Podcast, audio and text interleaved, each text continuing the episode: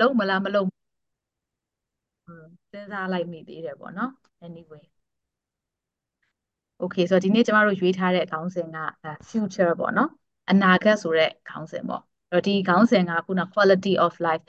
ကိုယ့်ရဲ့ဘဝကိုအတိတ်ပဲရှိရှိပျော်ပျော်ရွှင်ရွှင်အာဖြတ်သန်းနိုင်ဖို့အတွက်ဆိုလို့ရှိရင်အမေเนาะ relationship တွေ love တွေเนาะအရာရာကိုတတိရှိဖို့တွေကိုယ့်ရဲ့ဒီအနာဂတ်ဆိုတာလည်းပါလာပြီပေါ့နော်အဲ့ တော့အနာဂတ်လို့ပြောလိုက်လို့ရှိရင်ကျမတို့အာလက်ရှိအခြေအနေမှာဒီနေ့ကချင်ရှမ်းစကိုင်းရခိုင်တနင်္သာရီနော်နောက်ထပ်နှစ်နေရာတရင်နော်အဲအဲ့ဒီကနေပြီးတော့ပါဝင်တဲ့သူတွေရှိရရန်ကုန် plus မန္တလေးပေါ့နော်ရန်ကုန်မန္တလေးအပြင်ဆိုတော့ကျမတို့တနိုင်ငံလုံးဒီပါလို့ပြောလို့ရတဲ့နေရာမှာကိုယ့်ရဲ့အနာဂတ်လို့ပြောလိုက်လို့ရှိရင် ကျမတို့ဖြေစရာမလိုဘူးအဲ့ဒီစကားလုံးဒီကိုယ့်ကိုဘာခံစားချက်ပေးစေလဲစဉ်းစားကြည့်ပါ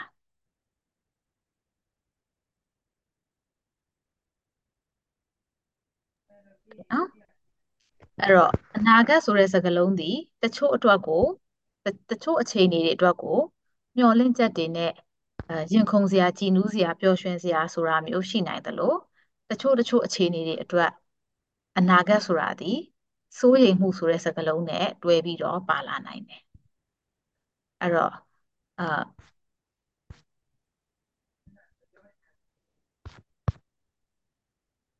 okay sorry နော် message ပြလာလို့အဲတချို့တချို့အတွက်ကိုကျမတို့အဲစိုးရိမ်မှုဆိုတဲ့အရာနဲ့တွဲပြီးတော့ပါလာတယ်လက်ရှိမှာကျမတို့အများစုအနာဂတ်လို့တွေးလိုက်တဲ့အခါမှာအကြောင်းရင်းအမျိုးမျိုးနဲ့ကျမတို့ခံစားနေရတဲ့အရာဒီ ကျမတို့ခံစားနေရတဲ့ခံစားချက်ဒီစိုးရိမ်မှုဘက်ကိုပိုရောက်တယ်အကြောင်းအမျိုးမျိုးကြောင့်ကျမတို့စိုးရိမ်ရလိမ့်မယ်ဒီစိုးရိမ်ရတဲ့အခါမှာနာကျင်ရတယ်အဲ့တော့စိုးရိမ်မှုတွေအနာဂတ်အတွက်ကျမတို့ပူပန်ရတဲ့အရာတွေကိုကင်တွယ်တဲ့အခါမှာနီလန်နှစ်ခုကိုကျမဒီနေ့ပြောပြပြီးတော့呃လေ့ကျင့်တော့လေ့ကျင့်ပေးသွားမယ်ပေါ့နော်အာအဲ့ဒါကဘာလဲဆိုလို့ရှိရင်ဒီစိုးရိမ်မှုကိုကျမတို့က စိုးရိမ်စရာမလိုပါဘူးဆိုပြီးတော့လည်းဥပက္ခမပြုတ်ဘူးမဖယ်ထားဘူးမတိကျအောင်မဆောင်အဆင်ပြေသွားမှာပါဆိုတော့အာအရာရာကိုခြုံငုံပြီးတော့အကောင်းမြင်လိုက်တဲ့ပုံစံနဲ့လည်းကျမတို့မသုံးဘူးစိုးရိမ်စရာရှိတဲ့ဟာကိုကျမတို့စိုးရိမ်စရာရှိတဲ့အတိုင်းအတွင်းကြကြစိုးရိမ်မှုနဲ့ကျမတို့တွေ့ဆုံမယ် meet with the anxiety ပေါ့နော် ပြီးတဲ့အခါကျလို့ရှိရင်ဒီစိုးရိမ်မှုဖြစ်နေတဲ့အချိန်မှာကိုဘာလုပ်လို့ရလဲအဲ့တော့စိုးရိမ်နေမယ်ဆိုလို့ရှိရင်ဒါအားလုံးအခုချိန်မှာခံစားနေရတယ်ပူပန်နေခြင်းကပဲပူပန်ပူပန်နေတဲ့စိတ်ကကျမတို့ကိုအဖြေရှာဖို့တခုခုကိုလှုပ်ဆောင်ဖို့အာပြင်ဆင်ဖို့အတွက်ကိုအနှောက်အယှက်ဖြစ်တယ်ပူပန်တဲ့အချိန်မှာလုပ်တဲ့ပြင်ဆင်မှု decision ဆုံးဖြတ်ချက်ချမှု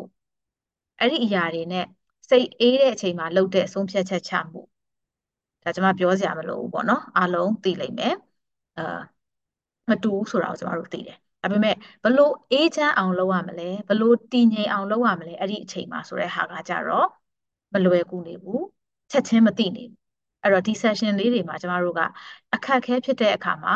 လုပ်ရမယ်ကိုယ်စိတ်ကိုတည်ငြိမ်စေမဲ့နည်းလမ်းလေးတွေကိုအမြဲတမ်း လေ့ကျင့်ပေးနေတဲ့အခါမှာ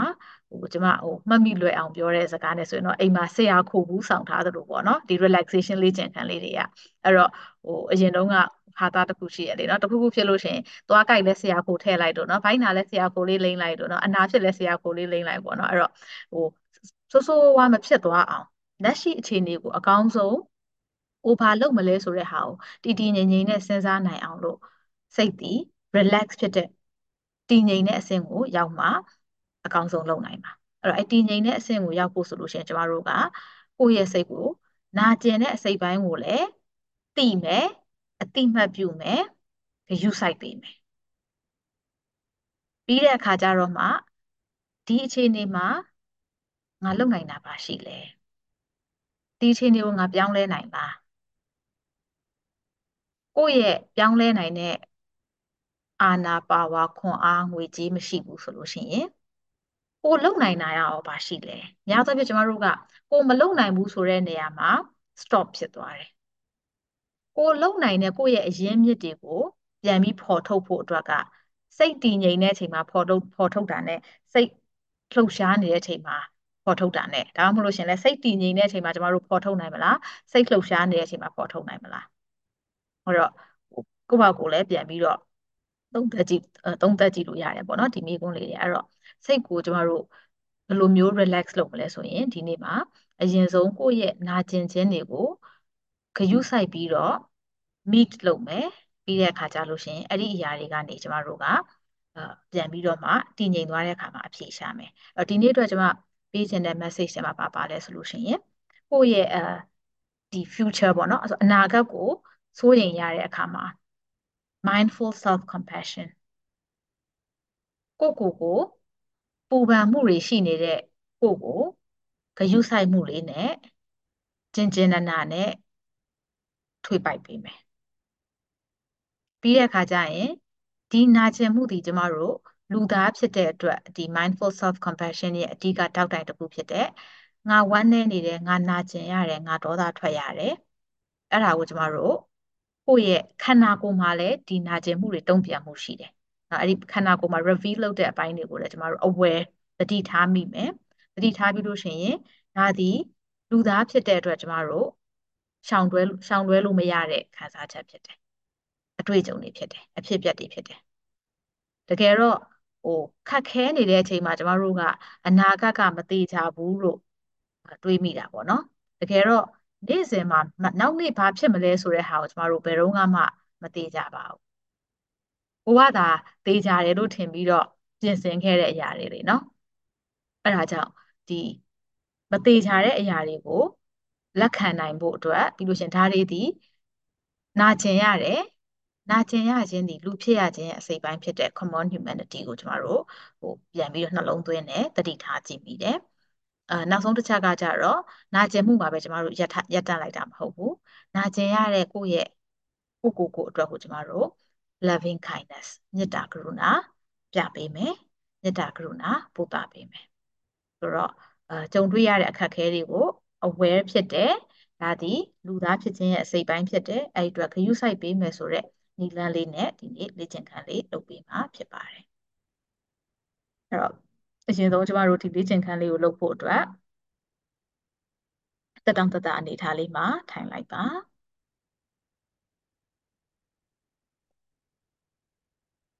ဒီလေ့ကျင့်ခန်းလေးကခက်ခဲတဲ့ခံစားချက်တွေနဲ့ကြုံရတဲ့အခါလုံနိုင်တဲ့လေ့ကျင့်ခန်းလေးဖြစ်တယ်အဲ့တော့ခက်ခဲတဲ့ခံစားချက်ဆိုတာပုံစံမျိုးစုံနဲ့လာနိုင်တယ် အခုလိုမျိုးအများနဲ့ကြုံရတဲ့အခြေအနေမျိုးဖြစ်နိုင်တယ်လို့တယောက်ချင်းစီမှာရှိတဲ့ခက်ခဲတဲ့အခြေအနေလည်းဖြစ်နိုင်တယ်အဲ့တော့ဘလို့အခြေအနေမျိုးမှာနေရာဒေသမတူမတူတဲ့နေရာဒေသကနေ participants တွေတယောက်နဲ့တယောက်ရဲ့စိုးရင်ရမှုအတိုင်းတာမတူညီနိုင်ပါဘူးအဲ့တော့ကျမတို့ဒီလေ့ကျင့်ခန်း mindfulness လေ့ကျင့်ခန်းနဲ့ပတ်သက်ပြီးတော့ ဒီသင်တန်းမှာကျွန်မမေးခွန်းမေးကြည့်တယ်ပေါ့နော်အရန်စိတ်အာပင်ပန်းနေရတဲ့ပရိပခအခြေအနေမှာဘယ်လိုလုပ်စိတ်တည်ငြိမ်နိုင်မလဲပေါ့နော်ဆိုတော့အဲ့ဒါကဘာလဲဆိုလို့ရှိရင်အဖြေကအလေးအကျင့်အဲ့တော့အလေးအကျင့်လုပ်ထားခြင်းအဖြစ်ကျမတို့ခက်ခဲတဲ့အခြေအနေအတွက်ကို ready ဖြစ်လိမ့်မယ်အဲ့တော့အနည်းဆုံးဒီ session လေးမှာပါဝင်တဲ့အခါမှာ ကိုကတည်ငြိမ်သွားတယ်ဆိုလို့ရှိရင်ကို့အနားမှာရှိတဲ့သူတွေကိုဒီတည်ငြိမ်မှုကိုကိုကလက်ဆင့်ကမ်းနိုင်လိမ့်မယ်အဲ့တော့တတောင်တတအနေထားလေးမှာထိုင်ပြီးပြီဆိုလို့ရှိရင်ကိုယ့်ရဲ့ခန္ဓာကိုယ်ကြွက်သားတွေ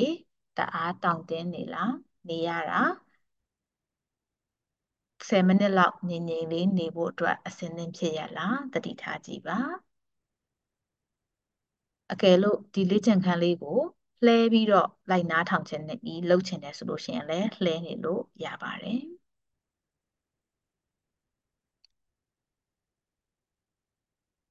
ကိုယ့်ရဲ့ခန္ဓာကိုယ်ဒီလေ့ကျင့်ခန်းလေးကိုလုပ်ဖို့အစင်းသင်းဖြစ်ပြီဆိုလို့ရှိရင်အသက်ကိုကိုရှူတတ်တယ်လို့ခပ်ပြင်းပြင်း၃ခေါက်လောက်ရှူသွင်းရှူထုတ်လုပ်ရအောင် အသက်ရှူတာမှားမယ်မှန်မလားမှားမလားမှန်ရဲ့လားဆိုတာမျိုးစိတ်မပူပါနဲ့ပုံမှန်လဲကျမတို့အသက်ရှူနေတယ်အခုလီလေးကြံခန်းလေးမှာအသက်ရှူနေသေးတယ်ဆိုတာလေးကိုသတိထားလိုက်တာပဲ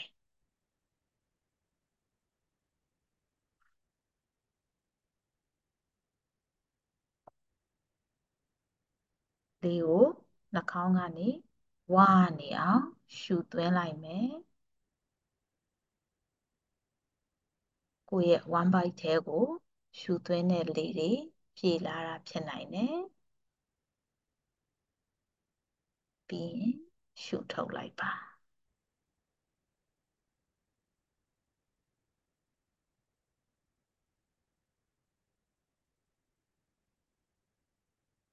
နောက်တစ်ချိန်အသက်ကို ဝါနေအောင်ရှူသွင်းလိုက်ပါကိုယ့်ရဲ့စိတ်အာရုံကိုအသက်ရှူနေတဲ့နေရာလေးမှာပဲထပ်ထားပါ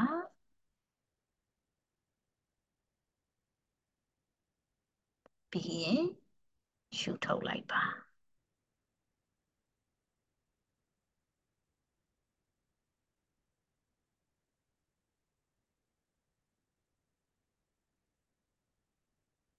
နောက်တစ်ချိန်အသက်ကိုဝါနေအောင်ခပြင်းပြင်းရှူသွင်းလိုက်ပါကိုယ့်ရဲ့အာယုံကို ရှူသွင်းနေတဲ့လေနဲ့အတူ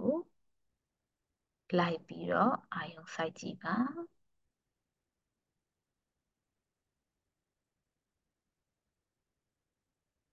ပြန်ပြီးတော့ရှုထုတ်လိုက်ပါအခုကျမတို့ ကိုယ်စိတ်ထဲမှာကိုယ့်ကို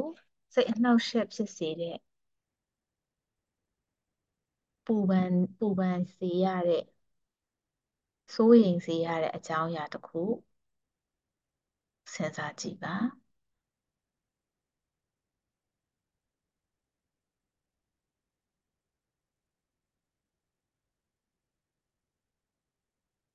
အဲ့ဒီအကြောင်းအရာကိုစဉ်းစားလိုက်တဲ့အခါမှာ ကိုယ့်ရဲ့ခန္ဓာကိုယ်မှာ physical body မှာတတောင့်တတမဖြစ်တဲ့တတောင့်တတမရှိတဲ့အစိတ်ပိုင်းတစ်ခုခုတတိထားမိနိုင်တယ်ဥပမာနှလုံးခုန်လုံးမြန်လာတာလားရှင်ဘတ်ထဲမှာမွန်းကျက်သွားတာလားကြောကုန်းအောင်သွားတာလားအို က်ထဲမှာမအီမလဲကြီးလို့ခံစားရတာလားကိုယ့်ရဲ့ခန္ဓာကိုယ်ကဘလိုမျိုးဒီပူပန်မှုကိုတုံ့ပြန်နေလဲဆိုတာလေးသတိထားကြည့်ပါ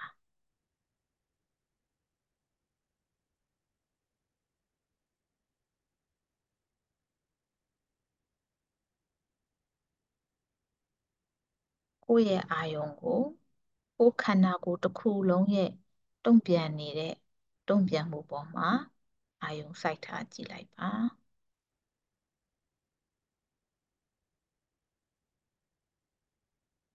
အဲ့ဒီလှုပ်ရှားမှုတွေကိုခံစားကြည့်ပါ feel it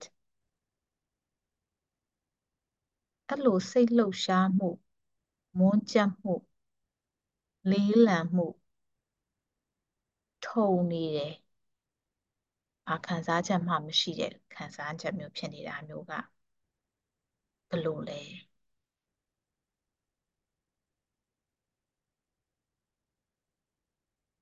ကိုယ့်ရဲ့ဒီ sensation ပေါ့နော်ခန္ဓာကိုယ်ရဲ့အထိအတွေ့တတိထားမိတဲ့အာယုံခံစားချက်တွေကိုတတိထားကြည့်လိုက်ပါ အားလုံးကိုငြိမ်ပြီးတော့ဒီစိုးရိမ်မှုကိုပူပန်ရမှုကိုစဉ်းစားလိုက်တဲ့အချိန်မှာတုံ့ပြန်လာတဲ့ခန္ဓာကိုယ်ရဲ့လှုပ်ရှားမှုတွေနဲ့ခံစားချက်တွေ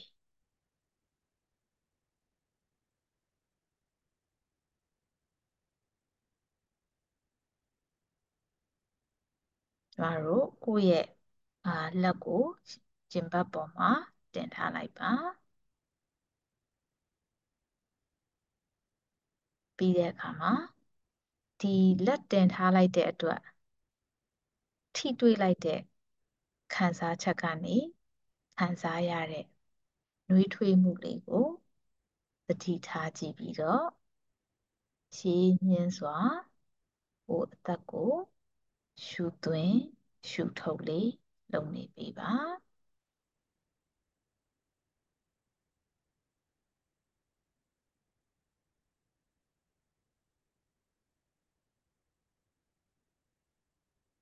ဟိုနှလုံးပေါ်ကိုရင်ဘတ်ပေါ်ကိုလက်တင်ထားတဲ့အခါမှာကိုယ့်ရဲ့လက်ကနှိမ်ချီမြင်းချီဖြစ်နေတဲ့လှုပ်ရှားမှုလေးကိုလည်းသတိထားကြည့်ပါ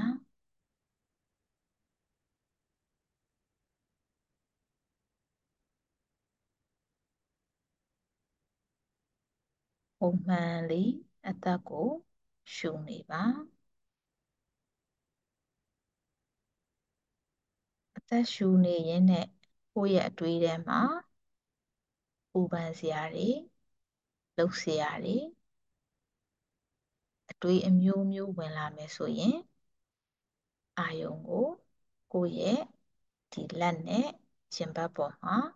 ပြန်ပြီးတော့အာယုံစိုက်လိုက်ပါ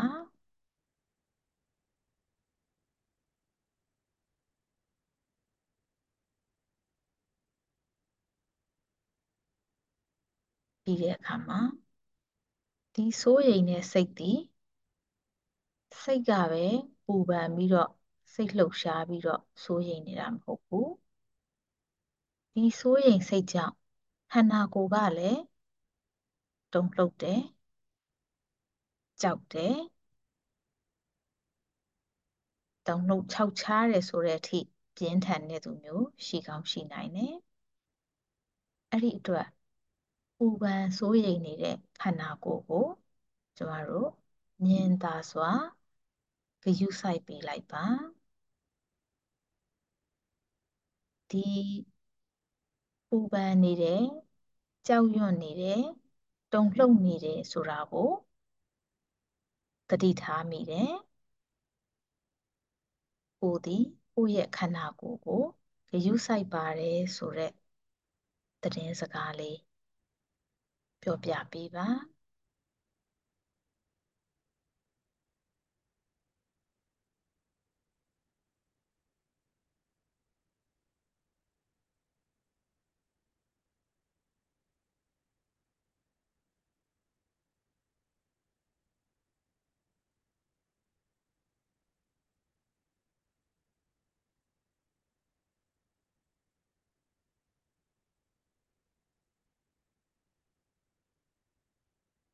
ခုကျမတို့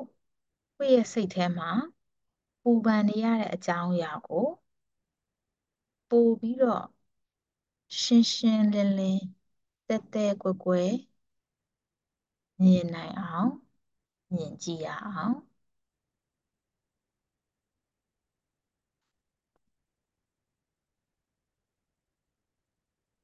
ဒီစိုးရိမ်မှုမှာပါဝင်နေတဲ့ သူတွေလူတွေရှိနိုင်တယ်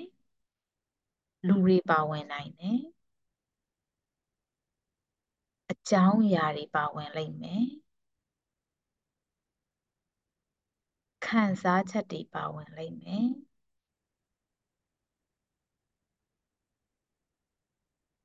စကလုံးတွေပါဝင်လိမ့်မယ်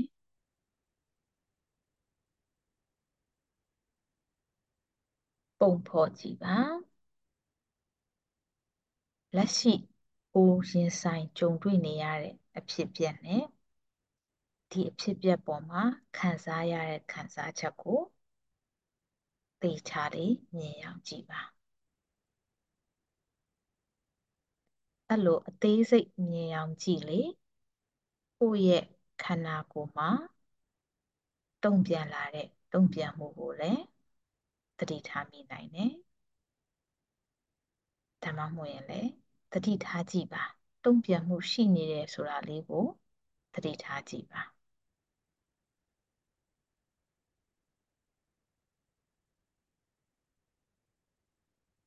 ကိုယ့်ရဲ့ခန္ဓာကိုယ်ရဲ့ဘယ်နေရာမှာဒီနာကျင်မှုကပိုပြီးတော့ပြင်းပြင်းထန်ထန်နဲ့ခံစားရလဲဟိုပါကျွန်မဆိုလို့ရှိရင်နောက်ကျောဘယ်ဘက် ဘယ်ဘက်လက်ပြင်လို့နေရာက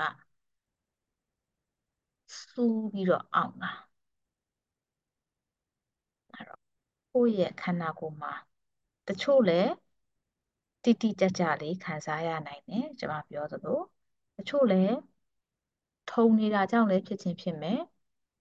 ဘယ်ဘယ်လိုခံစားရလဲမသိဘူးဆိုတာမျိုးလည်းဖြစ်ကောင်းဖြစ်နိုင်သေးတယ်ပေါ့နော်ဒါပေမဲ့ just aware နော်ကိုယ့်ရဲ့ခန္ဓာကိုယ်သည် ဒီစိုးရိမ်ပူပန်မှုကိုသူတည်ဆောင်ထားတယ်သူလည်းတုန်လှုပ်နေတယ်ဆိုတာလေးကိုယူဆိုင်ပေးပါတတိထားကြည့်ပေးပါနာကျင်တဲ့နေရာကတစ်ခုထက်မကရှိနေမယ်ဆိုလို့ရှိရင်လေ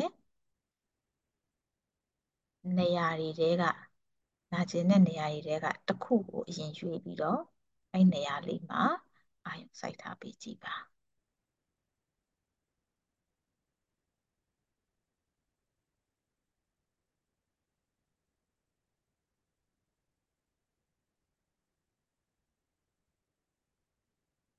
အဲ့နေရာလေးမှာအာရုံစိုက်ထားရင်းနဲ့ကလေးငယ်တွေငိုတဲ့အခါမှာနာကျင်တဲ့အခါမှာမိဘကဘယ်လိုမျိုးဂရုစိုက်ပေးလဲ နော်ကလေးငယ်ကိုအာကိုယ်လေးညွတ်ပြီးတော့နော်ဟိုထွေးပွေးလိုက်တာဖြစ်ဖြစ်နော်အာလက်ကလေးအာဆန်းဆုပ်ထားပေးတာဖြစ်ဖြစ်ခြိထားပေးတာဖြစ်ဖြစ်နော်ဟိုလှမ်းပြီးတော့ဂရုစိုက်လိုက်တယ်အဲ့တော့အဲ့လိုဂရုစိုက်တဲ့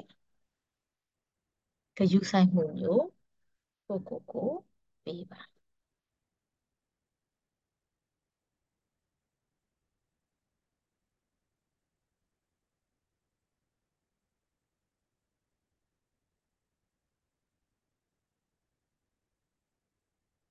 ကိုယ့်ရဲ့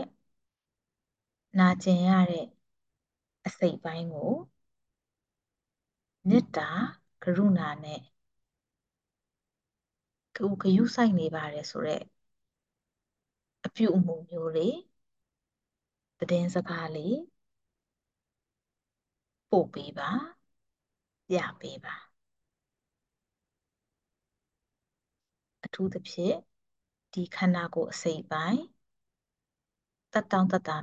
မဖြစ်နေတဲ့ခန္ဓာကိုယ်အစိတ်ပိုင်းကိုအာယုံစိုက်ပြီးတော့ဒီနေရာလေးအတွက်ကိုဂရုစိုက်မှုပေးနေတယ်ဆိုတာလေးသတင်းစကားပေးပေးပါ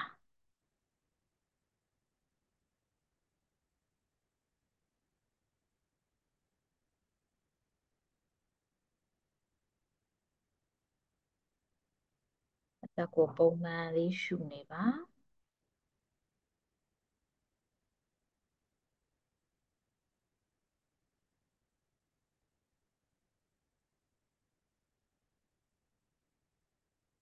သက်ကိုပုံမှန်လေးရှုနေရင်နဲ့ကိုယ့်ရဲ့လက်ကိုခုနလိုပဲရင်ဘတ်ပေါ်ပြန်တင်ထားပြီးတော့ကိုယ့်ရဲ့စိုးရိမ်နေတဲ့စိတ်ကိုကိုအတိမတ်ပြုတယ် ဒါသည်နာကျင်ရတယ်ဒါကိုအကောင်းဆုံးရင်ဆိုင်မှုအတွက်ကိုစူးစမ်းလို့ရတယ်စူးစမ်းရမယ်နည်းလမ်းတွေကိုရှာမယ်ပေါ့နော်အဲ့ဒီသတင်းစကားလေးကိုကိုကိုပြောပြပေးပါ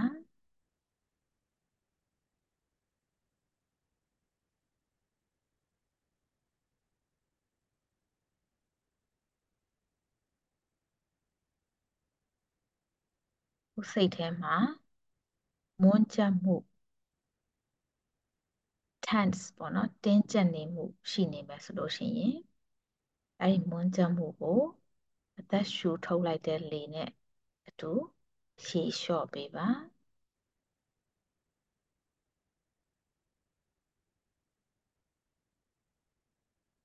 သက်ရှူတဲ့အခါမှာ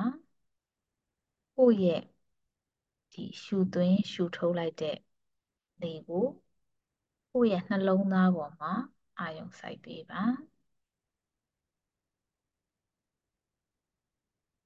သက်ကိုတဝါကြီးရှူသွင်းတဲ့အခါမှာကိုယ့်ရဲ့စိတ်ထဲမှာ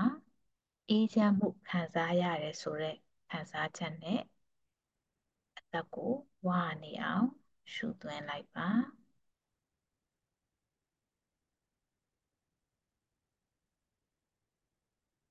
အဲ့ဒီအသက်ရှူလိုက်တဲ့အခါမှာရတဲ့ခွန်အားကိုလည်းတတိထားပြီးတော့ကြည်ကြည်နူးနူးလေးခံစားကြည့်ပါပြန်ထုတ်လိုက်တဲ့လေနဲ့အတူကိုယ့်ရဲ့တင်းကျပ်မှုမွန်းကျပ်မှုတွေကိုရှုထုတ်လိုက်ပါ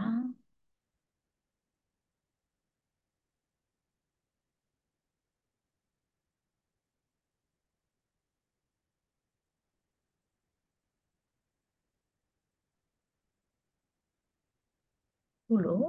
စိတ်နည်းနည်းလေးတည်ငြိမ်သွားပြီဆိုလို့ရှိရင်အခုနတော့ကကိုယ်စိတ်ထဲမှာအနှောက်အယှက်ဖြစ်ရတဲ့ကိစ္စကိုယ်ကိုစိတ်ပူပန်တဲ့ကိစ္စဒီအကြောင်းအရာဒီအခြေအနေကိုဖြေရှင်းဖို့အတွက်ကိုယ်မှာလုံနိုင်တဲ့အရာပါရှိလဲကိုယ့်ရဲ့လုံနိုင်တဲ့အရင်းမြစ်တွေကို စဉ်းစားကြည့်ရအောင်ဒီလုံနိုင်တဲ့အရင်းမြစ်တွေနဲ့ကိုယ့်ရဲ့အနာဂတ်ကိုကိုဘယ်လိုမျိုးပုံဖော်ခြင်းလဲဒါသည်ကိုငကိုကတွေးထားတဲ့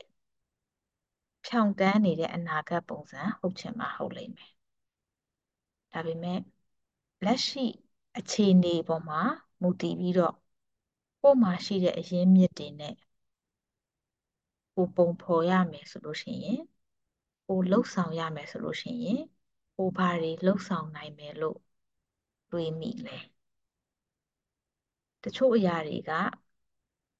အခုအဝေးကြီးမှာမရှိဘူးလက်ရှိဒီနေ့ကိုလုံနိုင်တာကို အကောင်းဆုံးတစ်နေ့တာကြော်ဖြတ်ဖို့ကြိုးစားနိုင်ခြင်းကလည်း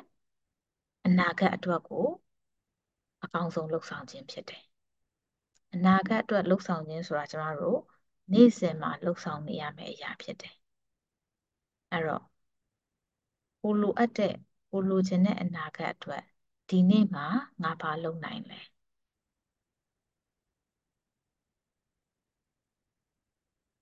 ငကိုကကိုပြင်ဆင်ထားတဲ့ကိုမျှော်လင့်ထားတဲ့အရာအတိုင်းဖြစ်ဖို့အတွက်ဘာတွေကပံ့ပိုးမှုရှိလဲ ဘာတွေကအနှောက်အယှက်ဖြစ်နေလဲအနှောက်အယှက်ဖြစ်တဲ့အရာမှာကိုဘာစူးစမ်းလို့ရလဲ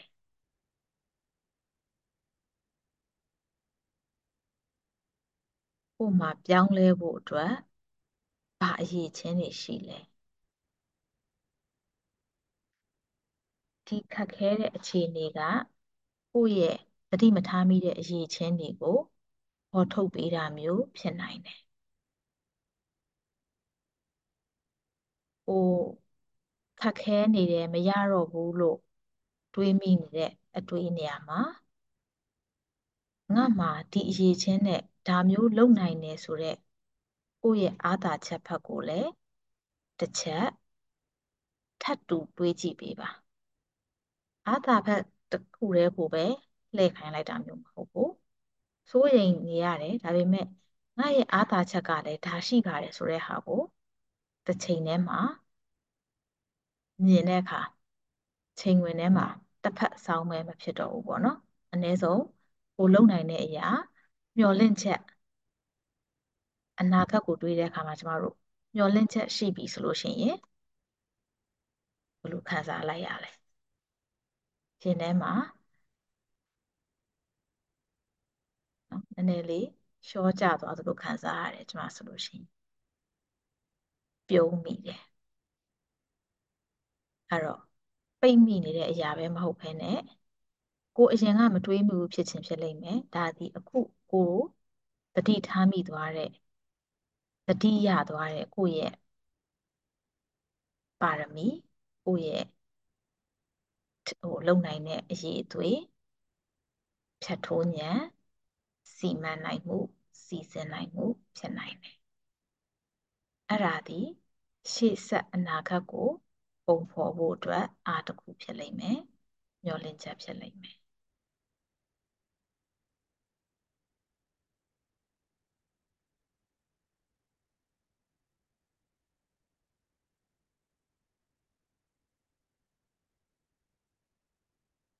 အဲ့ဒီကိုယ့်ရဲ့ အားသာချက်နဲ့ကိုလုံနိုင်တဲ့ငါမှဒါတွေလုံနိုင်သေးပါလားဒီအရင်မြစ်တွေရှိပါလားဒီလိုကူညီမဲ့သူရှိနိုင်ရှိပါလားဒါမှမဟုတ်ရင်လည်းကူညီနိုင်တဲ့သူရှိပါလားမေးမြန်းလို့ရမဲ့သူအကူညီတောင်းလို့ရမဲ့သူရှိပါလားစူးစမ်းလို့ရမဲ့ဒါလေးတစ်ခုရှိပါလား အစရှိတဲ့ပွင့်လာတဲ့တတိထားမိလာတဲ့ကိုယ့်ရဲ့လုံနိုင်တဲ့အပိုင်းကိုစဉ်းစားမိတဲ့အခါမှာဘာခံစားရလဲဒါမှမဟုတ်လို့ရှိရင်ကိုမေ့နေပြီးတော့အော်ငါဒါလုံနိုင်ပါလားလို့ဖြစ်သွားတဲ့ပြန်တတိယလာတဲ့အချက်ပေါ်မှာ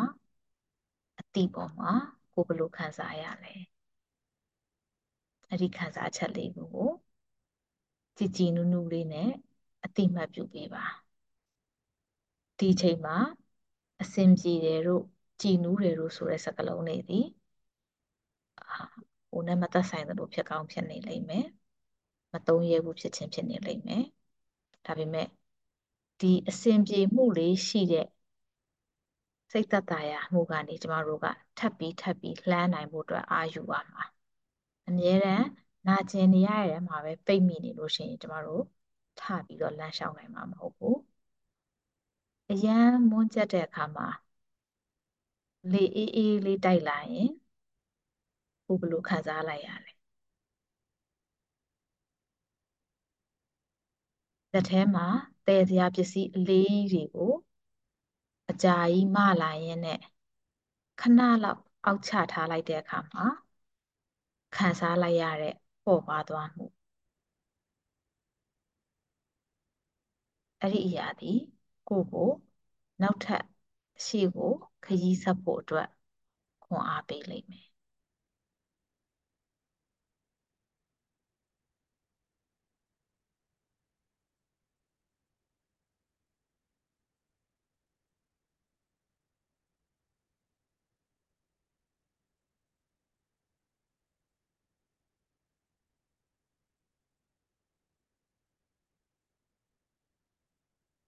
ကိုရှာဖွေတွေ့ရှိတဲ့ကိုရဲ့အာသာချက်တွေနဲ့ကိုရဲ့ရှေ့ဆက်ရမယ့်နေ့ရက်တွေကိုအာယူဖို့အတွက်ကျွန်တော် music လေးခဏဖွင့်ထားပေးမယ်ကိုမှလောက်ရမယ့်လှုပ်ဆောင်နိုင်တဲ့လမ်းကြောင်းတွေရှိပါသေးလားဆိုတဲ့ခွန်အားနဲ့မျှော်လင့်ချက်နဲ့ဒီညကိုအကောင်းဆုံးအိပ်ဆက်အနာယူနိုင်ပါစေစိတ်ပင်ပန်းရတဲ့အခါတွေမှာလည်း ဒီလေ့ကျင့်ခန်းလေးကိုပြန်လုပ်လို့ရပါတယ်ကျမတို့ဒီလေ့ကျင့်ခန်းလေးတွေကို podcast မှာလည်းတင်ထားပေးမယ် YouTube channel ကနေပြီးတော့လည်းပြန်နားထောင်လို့ရပါတယ်